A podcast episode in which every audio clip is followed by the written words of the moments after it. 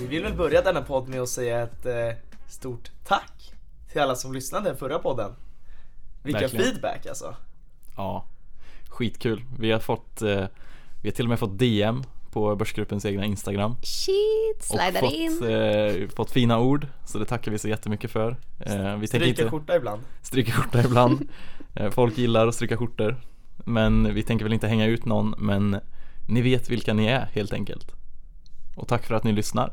Verkligen. Det har varit jätte, jättekul att höra verkligen. Det kommer mer. Nu kör vi. Vargen i Valla, säsong oklart, avsnitt två. Börsen har svängt otroligt den här veckan. Erik, Ola, Adriana sitter och ska spela in nästa podd. Yes, Fan, vad kul. Vi gillar fredagar. Vi gillar fredagar, vi gillar sol också. Ja, Det är D-vitamin är viktigt. Extremt tacksamt. Hur mår ni? Jag mår bra. Jag, har, eh, jag skrev klart en rapport igår i en kurs, lämna in den. Kan ta helg med gott samvete, känner jag. Ja, nej, jag, jag mår kanon. Inte lite bakis? Nej, absolut inte. Nej men eh, dagens avsnitt. Vi har ett nytt tema. Vi kommer prata lite börs och välmående. Det är någonting som i alla fall står mig väldigt nära. Börsvälmående alltså. Börsvälmående. Att eh, få ihop börsen och eh, psyket. Mm. Det är någonting som tar lite betänketid som vi tänkte hjälpa till med. Men det, du menar alltså inte bärs och välmående nu? Jag menar börsen, som Okej. i där du handlar aktier. Vikt, viktig klar, klargörelse där. Bärs och välmående gillar jag också, men idag ska vi prata om börs och välmående. Nej men jag tänkte innan, det har ju skett eh, ganska mycket rörelser på alla världens börser den här veckan. Mm. Och det har ju framförallt med att göra med Evergrande, fastighetsbolaget från Kina. Är det inte Evergrande? Eller Evergrande, Ever, Evergrande? Evergrande. Det var någon som sa häromdagen, har du hört om Evergrande? Jag bara, Ariana Grande? Stenkoll på börsen. jag bara, ja det är klart jag gör. Ja. Nej men har ni läst på? Inte så mycket, nej. Man har väl läst rubrikerna som vanligt. Ja. Mm. Nej men jag läste ju på Omni, blodrött på börsen. Kinesiskt fastighetsbolag nära konkurs. Så då blir man lite nyfiken, vad är det som händer? Så jag tänkte förklara för er det som alla finanspoddar pratar om men eh, ganska svårt att fatta. Mm. Om det är okej? Det låter Ja. toppen. Definitivt. Eh, nej men eh, Evergrande då, det som har hänt, varför börsen var blodröd för några dagar sedan och nu har svängt väldigt mycket. Det är ju ett kinesiskt fastighetsbolag. Och de har ju absurda likviditetsproblem. De har inga pengar i kassan. Och vi vet att likviditetsproblem, det är inte roligt. Nej, till att börja med så är det ju inte kul med likviditetsproblem för en student ens. Så jag kan ju inte ens tänka mig hur det känns på ett stort fastighetsbolag. Ja. Nej men de säger ju att de inte får in sin eh, hyran som betalas till dem. Och de inte kan betala sina ränta till bankerna. Och därför eh, blir ju pengarna, likviderna, mindre och mindre. Och de har fått sämre kreditbetyg tillsammans med många andra fastighetsbolag. Samtidigt som aktien har fallit något enormt. 90% har den fallit. Uff, På ett fastighetsbolag. Mm. Man tror på konkurs. Och det- anledningen till att det här är så jävla jobbigt det är för att det påminner mycket om 2008, finanskrisen. Det var ju fastigheter som stod i centrum då också. Folk kunde inte betala sina räntor och eh, hela systemet kollapsade. Och det är det som många tycker är jobbigt. Eh, börsen har ju vänt tillbaka nästan. Så börsen verkar ju inte tycka att det är lika jobbigt längre. Nej. Men eh, det är det som har hänt. Mm. Har ni någon annan take på det hela? Nej men jag, jag, hur gammal var jag 2008? Jag var 12 tror jag. Så det är svårt att på något sätt identifiera det här mönstret och bara känna igen sig. Men eh, jag förstår det absolut ur ett välmående perspektiv för någon som kanske är lite mer rutinerad. När de ser de här eh, när de ser det här mönstret upprepa sig, de ser samma typer av rubriker igen och bara Oh no, here we go again liksom. Blir det en till finanskris tror ni? Ligger i luften. Alltså absolut, men jag, jag, alltså, jag tror inte det kommer att bero på just eh, enbart det här. Alltså, om det skulle bli en till finanskris så kommer det ju vara väldigt svårt att peka ut vad, exakt vad det är som kommer vara roten till det. Kommer det vara corona? Kommer det vara det här? Det här? Kommer det vara alltså bara faktum att det, det har gått upp väldigt länge liksom. Ja. Alltså det är väldigt många faktorer att, att ha i åtanke liksom. Det grejen med finanskrisen är att det är väldigt det är ingen som vet att den kommer förrän den kommer. Nej. På så sätt. Så det här kan ju vara ett startskott precis som Lehman Brothers 2008. Ja. Det är lätt att vara efterklok liksom. Nej men jag tror absolut att det kommer men eh, Frågan är ju bara när som sagt. Alltså, Mm. Varje finanskris ser nog lite annorlunda ut från den, från den förra. Och det är väl det som gör att de kommer så himla Trots att man kanske ser det komma så är det ändå oförutsägbart in, i viss mån. Eh, Precis. Till exempel det här med att börsen nu har gått upp. Trots att det rent fundamentalt pekar ganska eh, neråt. Eller vad man ska säga. Jag hoppas ni gillar vår take på Evergrande.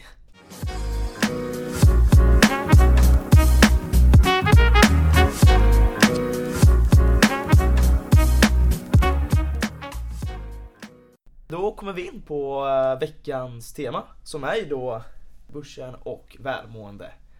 Och anledningen till att det här ligger mig så nära hjärtat är att jag har ju lagt ner otrolig mängd tid på börsen. Jag ska inte ljuga liksom. Jag har läst mycket, jag har lyssnat mycket och jag har kollat in i skärmar. Allt för många länge. Ja men för länge. Ja.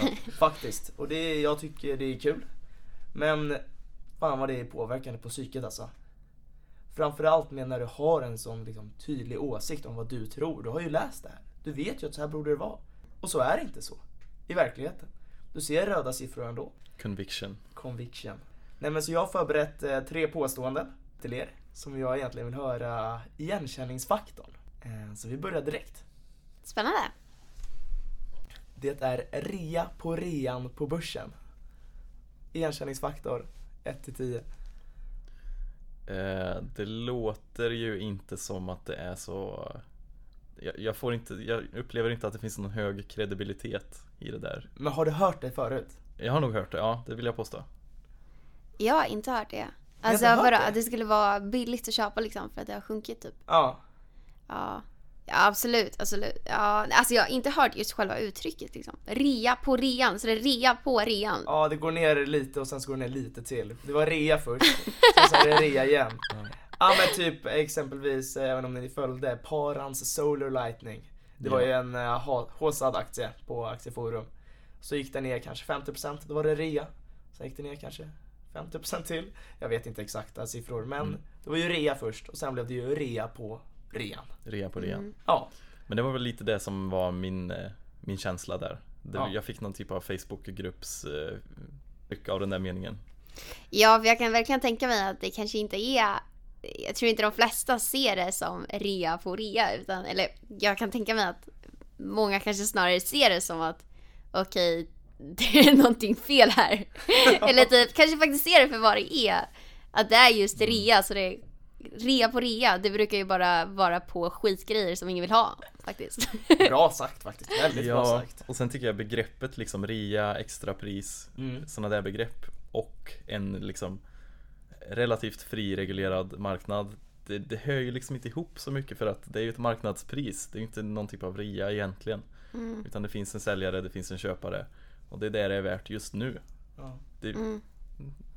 Och även om det är ändå ett, ett, ett bra sätt att säga det på, alltså att det, ja men, eh, det är ett sätt att, att uttrycka det på, absolut, så att det låter bra i ens egna öron. Men eh, jag, jag tror ändå, precis som Ola säger, att det är, det är viktigt att ha, att komma ihåg vad det faktiskt är. Vad det faktiskt är egentligen. Det är ju ingen rea. Nej, jag, Ja. jag gillar vad jag hör. Vi tar eh, nummer två. Sälj era hus och köp. Igenkänningsfaktor, har ni hört det förut?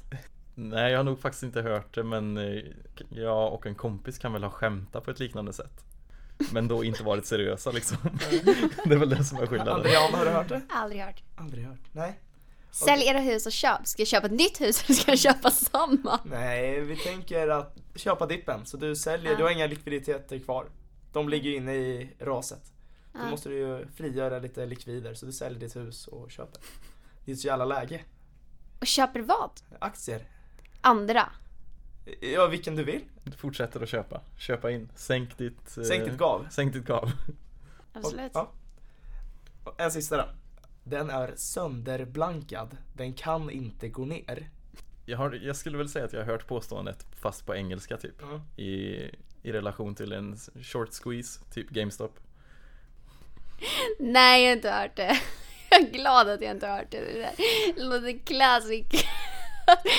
Facebook-forum, så det är inte sant. Där eh, sa du något. Alla de här påståendena är tagna från Aktieforum på Facebook. De har otroligt många kommentarer, de här inläggen. Otroligt många som bryr sig framför allt om eh, vad som står. Och vill veta mer. Varför är den sönderblankad? Varför kan den inte gå ner? Och då kommer de här brölboysen kallar jag dem och förklarar att när det blir en short squeeze så går det bara upp. och då, ja, Det är bara cause and effect. Short squeeze är lika med upp. med påståendena klara. Alltså upplever ni liksom att börsen är, alltså ett börsintresse och att vara aktiv på börsen, att det är hetsigt liksom? Alltså jag, definitivt aktien har alltså, eller börsen, att vara involverad i börsen har ju blivit som en trend.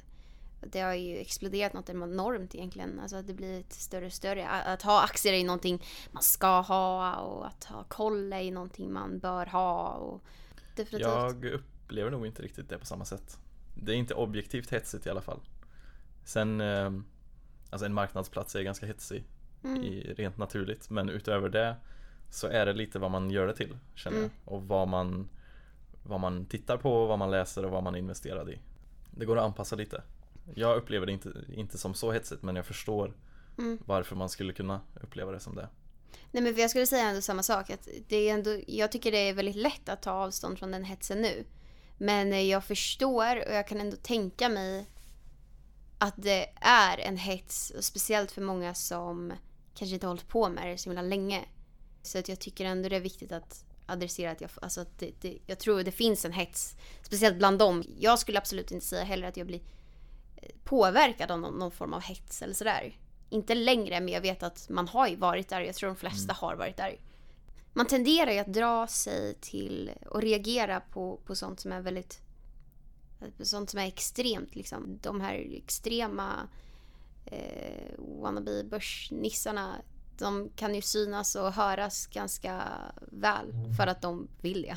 Och eh, folk reagerar väl på det och då, ja absolut, jag tror att folk kan bli av, avskräckta. Men man bör ju inte det, såklart. Nej, alltså vi tycker ju inte att börsen alltså, behöver vara, liksom, det är inte något som ska skapa dåligt välmående. Men jag tror att det är många som kopplar, alltså liksom som mår alltså dåligt eller tycker att det är jobbigt med börsen. Mm. Och röda siffror och Mm. fan jag förstår inte varför det går ner och allt sånt här. Och jag påstår ju, det här är min åsikt, att mycket Facebook, alltså finanstwitter, Instagram-profiler de har skapat alltså, en dålig trend kring aktier, enligt mig. Jag tycker att det de gör, alltså liksom, de har lockat liksom boys som vill tjäna snabba pengar och på så sätt skrämmer bort folk som bara vill ha en stabil finansiell trygghet. Alltså som aktier och fonder verkligen bidrar till. Håller ni med? Att Absolut. liksom de Ja. skrämmer lite. Absolut. Definitivt. Sen vill, sen vill väl jag kanske understryka också en generell trend i samhället, om man ska säga. Att man, eh, att man gärna är ute efter liksom snabba vinster, enkla vinster. Mm. Och eh, det är så mycket enklare att följa ett antal Instagram-konton och gå med i en Facebookgrupp och, och sen vara nöjd så än att sätta sig och läsa en årsredovisning. Så då blir det så här att man jag vet inte, man tillåter inte riktigt sig själv. Man ger inte sig själv förutsättningarna till att ta bra beslut heller. För man tycker typ att det är tråkigt eller tar för mycket tid. Investeringar ska ju vara någonting för sig själv. Jag tycker inte man ska ge sig in i börsen av, av gemenskap eller av, av någon form av hets eller någon, någon grej av att det ska vara en grej att man ska göra det här och så och så. För att i grund och botten handlar det just om ens egna pengar och ens egna val. Till och med de duktigaste analytikerna har ju fel. Och och bara det säger ju sig självt vad det är. Att man, man kan aldrig veta, det finns inget rätt eller fel. Och det finns ingen anledning till att egentligen bli eh, påverkad av, av sån hets om man ser det för vad det faktiskt är. Nej, men ett till problem som jag ser det är ju att de här profilerna, de är ju proffs på att skryta. Jag gick in och kolla ett, kanske det kändaste finans Instagram-kontot idag. 21 av dem jag följer, alltså jag följer kanske 300 pers, jag vet inte riktigt. 21 följde den här snubben liksom. Och det enda han gör är ju att lägga ut bilder på hur mycket pengar han har på sitt Avanza-konto. Alltså jag tycker det, det, är hur sjukt. kan det vara så alltså. intressant? Nej men alltså jag vet inte ens hur man ens kan fokusera på pengarna som den här personen tjänar snarare än att fokusera på vad för psykologiska komplex den här personen har. Alltså det, är- det, är det är det första jag tänker på när någon sitter och skryter sådär på sin jävla Instagram. Alltså det är helt sjukt. Alltså, det, så, om någonting kan jag väl tänka mig att man följer den här personen bara av ren underhållning och att se att what the fuck liksom. Nej men det Helt ärligt, det är min åsikt och jag vet att det är hårt men... Jag tror det många känner när de går in på ett sånt Instagramkonto är att det sitter en helt vanlig människa och gör någonting som i övrigt är, upplevs väldigt främmande. Så du får liksom kombinationen så här, jättemånga miljoner på Avanza. Det kanske ses som någonting som är jättelångt borta. Men det är en helt vanlig person som sitter och gör det. Och det är ju någonting man kan relatera till. Så man får liksom lite av varje, en unik kombination som man kanske rent lite tankemässigt inte trodde var så möjlig. Fast det kanske är ganska vanligt egentligen. Att folk, eh, folk ibland oss i samhället liksom har en, har en aktieportfölj så. Det är viktigt att man är medveten om hur enkelt det faktiskt är att manipulera. Till exempel en, eh, en Avanza kontobalans liksom. Mm, I till exempel Google Chrome. ja. Det går på några sekunder och bara kan ta inspect element tror jag det heter och så kan du lägga till några nollor liksom och sen ta en screenshot. Ja, ja. Du har väldigt bra koll på det här. Ja.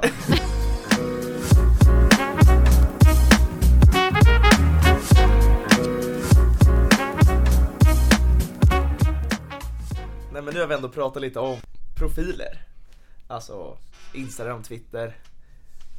Alltså tycker ni att vi ska följa dem? Vad bidrar det till liksom? Vad tycker du Erik? Alltså jag tycker så här. Det finns ju många olika profiler med olika intentioner. Det finns många sjukt bra faktiskt. Jag vet inte om jag ska nämna dem vid namn men jag tror man märker det ganska snabbt när man går in och kollar. Vad är deras intentioner?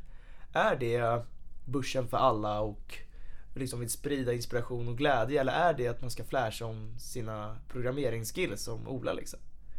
Alltså vad är... Nej jag skojar. Nej, Nu, nu kommer det anklagelser. Nej, jag skojar. Nej men är det att man vill flasha om sina siffror på ett bankkonto liksom? Tänka själv att nej, det här vill jag veta mer om börsen då, då kanske inte jag ska följa det här kontot med den anledningen. Då kanske man kan följa kontot för det är kul att titta på höga siffror. Man kanske tycker wow. Men inte för att lära sig liksom. Inte för att inspireras om alltså, aktier och liksom bolag och liknande så.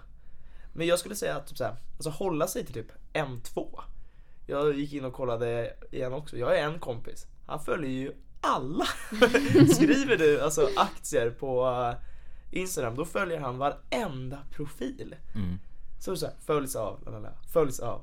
Och då har det ju gått för långt. Hans flöde är bara en, en enda stor eh, självuppfyllande hetsalgoritm då. Ja, alltså herre, jag vill inte veta vad han får upp i sina Instagram reels alltså. Det, men på så sätt, så jag tycker typ, ja men hålla sig till en, två, tänka, vad är, för jag tycker de är bra. Jag följer en och jag älskar honom alltså. Riktig profil. Det. Ehm, nej men jag, jag håller väl med, alltså inte, kanske inte nödvändigtvis att jag har något spann så hur många konton man bör följa men jag tycker man får en känsla för de olika kontona ganska snabbt. Dels alltså redan på namnet och profilbilden. Om det är så här, liksom massa 100 dollar sedlar och de heter liksom Money Man eller något sånt där. Det, nu, nu är det ett fiktivt konto men man får ju liksom en känsla för deras bilder och för deras, deras bio, bio, eh, ja men hur de presenterar sig själva liksom. Sen kan man ju också se antalet följare men det talar inte för så mycket egentligen. Eh, så jag tycker väl att man ska ha någon som har lite, lite legitim auktoritet. Hellre 10 000 följare med legitim auktoritet än 100 000 och massa ettor och nollor. Massa, ja precis och typ någon sån här Lamborghini-hets och grejer. Det, det klarar jag mig väl utan känner jag. Ja, jo. Det är så långt bort ändå. Ja. Så jag vill inte, jag vill inte ens veta. 217 veckor CSN. Ja, Det blev en Lambo. ja, och nu höjer de räntan också. Men det kan vi ta ett annat avsnitt. Jag tycker bara att, eh, jag tycker ändå, man får inte glömma heller att alla har väl sina egna intentioner till varför man eh, följer ett visst konto. Även om det är ett jävla, eh, vad det nu kan vara för konto. Alltså man kan ha vilka fördomar som helst om kontot men man kanske har någon bra anledning till att man följer det. Det är ju trots allt ens egna, alltså har man en, en, känner man att man har en bra anledning eller typ så här, ja jag vet att det, det här kanske inte är det bästa, att det här får kontot att framstå skitbra men jag följer av den här anledningen. Ja, alltså absolut fine. Um, jag tror ändå man, man ska um, lita på sig själv liksom. Och att man inte blir påverkad av, av dumma grejer som att som Lamborghini ja. Med risk för att dra en ganska långdragen jämförelse Alltså det här med att kurera sitt flöde Det är ju lite som att kurera sin portfölj Man vill ju uppnå en balans liksom mm. Vad följer jag egentligen? Vilka ägg har jag i korgen? Mm. Vad, vad, finns det för intryck här? Man kanske vill ha någon artist Man kanske vill ha någon finansinfluencer eh, Man kanske vill ha någon så matkonto Då får man lite balans åtminstone eh, Så det blir inte bara liksom Mindfulness-Ola i farten. Ja, nu, nu är jag tillbaka. Men eh, ja, jag tror ni förstår vad jag menar. Nej men alltså den viktigaste frågan kanske, vi är ju alla studenter. Vi lever ganska busy liv, ärligt talat liksom. Vi har ju många alltså, kurser, vi har tentor, vi har saker att göra på fritiden. Hur tycker ni att man ska som student och vill vara exponerad mot börsen vara det utan att det liksom man sover dåligt om nätterna, man ligger och tänker på det, man kan inte fokusera på annat. Man ser röda siffror, man blir skitledsen, man ser gröna siffror, man får värst hybris. Man går och köper liksom ett flak Nocco direkt liksom. Hur ska man göra som alltså, student? Så jag tror det finns framförallt två anledningar till att man skulle må väldigt dåligt av att eh, det går dåligt på börsen. Eller snarare för sina egna investeringar då. Så nummer ett är att man eh, ser sig själv som eh, någon form av börshaj. Eh, wannabe finansnisse helt enkelt. All respekt. Man eh, kanske vill hålla på med finans i framtiden, eh, fått någon uppfattning av att eh, man måste vara något, något proffs eh, som nailar varenda investering eh, redan nu helt enkelt. Och det här är ju såklart problematiskt eh, då det tar väldigt hårt på, på egot när eh, procentenheterna sjunker. Och, eh, nummer två är helt enkelt att man, skulle, man mår väldigt dåligt eh, när man inte följt sin egna magkänsla. Eh, när man följt någon annans rekommendationer, kanske lyssnat på eh, någon vän eller läst någon artikel, eh, någon analytiker kanske eller någonting. Man kanske till och med var tveksam från första början och ändå slagit till. Det kommer vara ett väldigt eh, surt äpple att bita i när eh, just den investeringen sen går, eh, går åt skogen. Take jag på det, det är det här som jag tycker är väldigt viktigt, det är att förstå vad det är du köper. För om vi säger att du köper Investor. Investor går ner 10%. Generellt sett är det ganska lätt att förstå varför Investor går ner 10%. Jo, antagligen så har väl det varit lite surare på börsen och kanske index har gått ner och Investor har följt med. Det finns, eller vi säger att de har en ny riktkurs. Det är ganska oftast lätt. Om man köper komplexa bolag som man inte riktigt förstår affärsmodellen med. Du köper ett läkemedelsbolag i fas 2 du hoppas på att de ska få en fas 3 godkänt och aktien ska gå till himlen. Då är det ju väldigt svårt att förstå varför det går ner. Den ska ju till fas 3. Den ska ju till himlen. Vad är det som mm. händer? Men förstår du vad du köper, då blir det på så sätt lättare att hänga med i svängningar. Och då veta liksom vad det är som händer. Så jag tycker ett problem som många gör är att de köper väldigt svåra bolag. De köper bolag med komplexa affärsidéer med en svår teknik som man inte riktigt har koll på men man har blivit pitchad av någon eller läst någonstans och det här är framtiden liksom. Ja, jag tror man, eh, man stirrar sig blint på någon slags potentiell avkastning i det där fallet. Man vill ha 80% per år, inte 8%. Och då, då tvingas man att ta mer risk och man tvingas röra sig mot de här lite mer mindre listorna mindre, och mindre bolagen. Men eh, sett, sett till mina, mina råd för vad man bör göra som student är väl egentligen och ja, det är väl det tråkigaste rådet av dem alla kanske men eh, köp fonder tycker jag.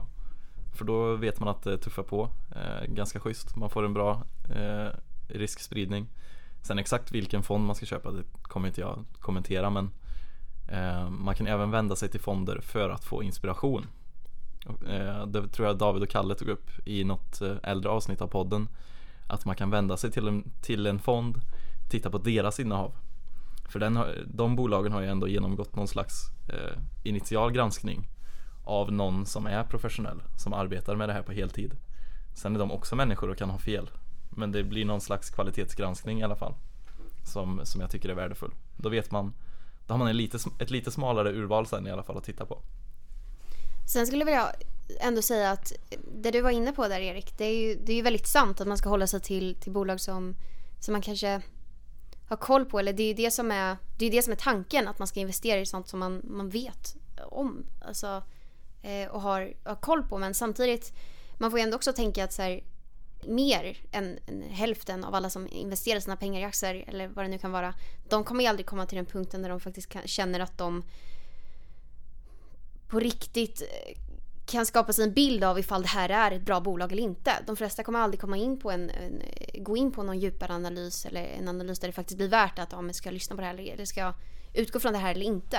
Jag vet typ att jag själv också när jag var nybörjare med aktier tyckte jag faktiskt att det var kul att eh, jag tyckte att aktier var också ett sätt att, att eh, få upp eh, ögonen för nya, för nya bolag och liksom att oj, wow, vad, vad finns det för typ av företag där ute? Vad, vad består framtiden av? Det här med svåra, komplexa eh, bolag är mm, det, det, är lite svårt för att man får sällan en, en, en bra bild av hur, hur, bra det går för dem. Eller de, de är svåra som sagt att analysera. Men samtidigt så om man investerar i dem så blir man ju automatiskt mer intresserad av dem. Det är viktigt att nämna känner jag att även om en aktie är liten och listad på en liten lista så kan det fortfarande vara eh, superb kvalitet för det. Ja, så verkligen. Givetvis kan man eh, hitta guldkorn eh, och fram, framtidens teknik där också. Exakt, exakt. Ska vi sammanfatta? Vad ska man som student göra för att må bra och vara exponent mot börsen? Man ska köpa det man förstår. Alltså man ska inte grotta in sig i saker om man inte känner att man har tid att följa upp det. Vad var mitt råd? Man ska väl ta lite inspiration av eh, legitima källor kan jag väl summera det som. Man ska inte ha alldeles för höga tankar om sig själv och eh, man ska inte strida mot sin eh, magkänsla eller sina egna åsikter och sin egen uppfattning av saker och ting. Jag har faktiskt en sista take också som jag tänkt på som är väldigt applicerbar på min kompis och det är FOMO. Mm. För det är fan ett så jävla problem i börsen. För alla kan ha FOMO varenda minut. Varför gjorde jag inte det där? Alltså Ja, om jag bara hade behållit den aktien hade jag fan varit svinrik. Eller ja, om jag hade sålt den aktien hade jag varit svinrik. Det går inte att ha FOMO på börsen. Alltså, för du kommer få du kommer må piss alltså. Du kommer alltid inse att du kunde gjort någonting bättre. Mm. Och så kan man inte tänka liksom. Försök släppa den tanken direkt. Ja, det är faktiskt så. Ja.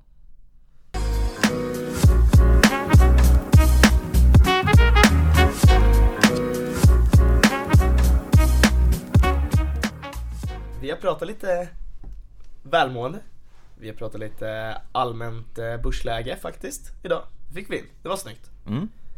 Vi har pratat lite hets kring börsen, lite så kallade sociala medieprofiler eh, och hur man ska göra för att eh, vara exponerad mot börsen men samtidigt sova gott om natten. Eh, det blev lite annorlunda stil från förra avsnittet. Idag var det mer börs. Men det är ju det som är tanken. Och vi hoppas väl att det, att det var lika kul idag. Om det inte var det så får man väl höra av sig på Instagram eller dylikt och säga som man tycker helt enkelt, för det är det vi vill höra.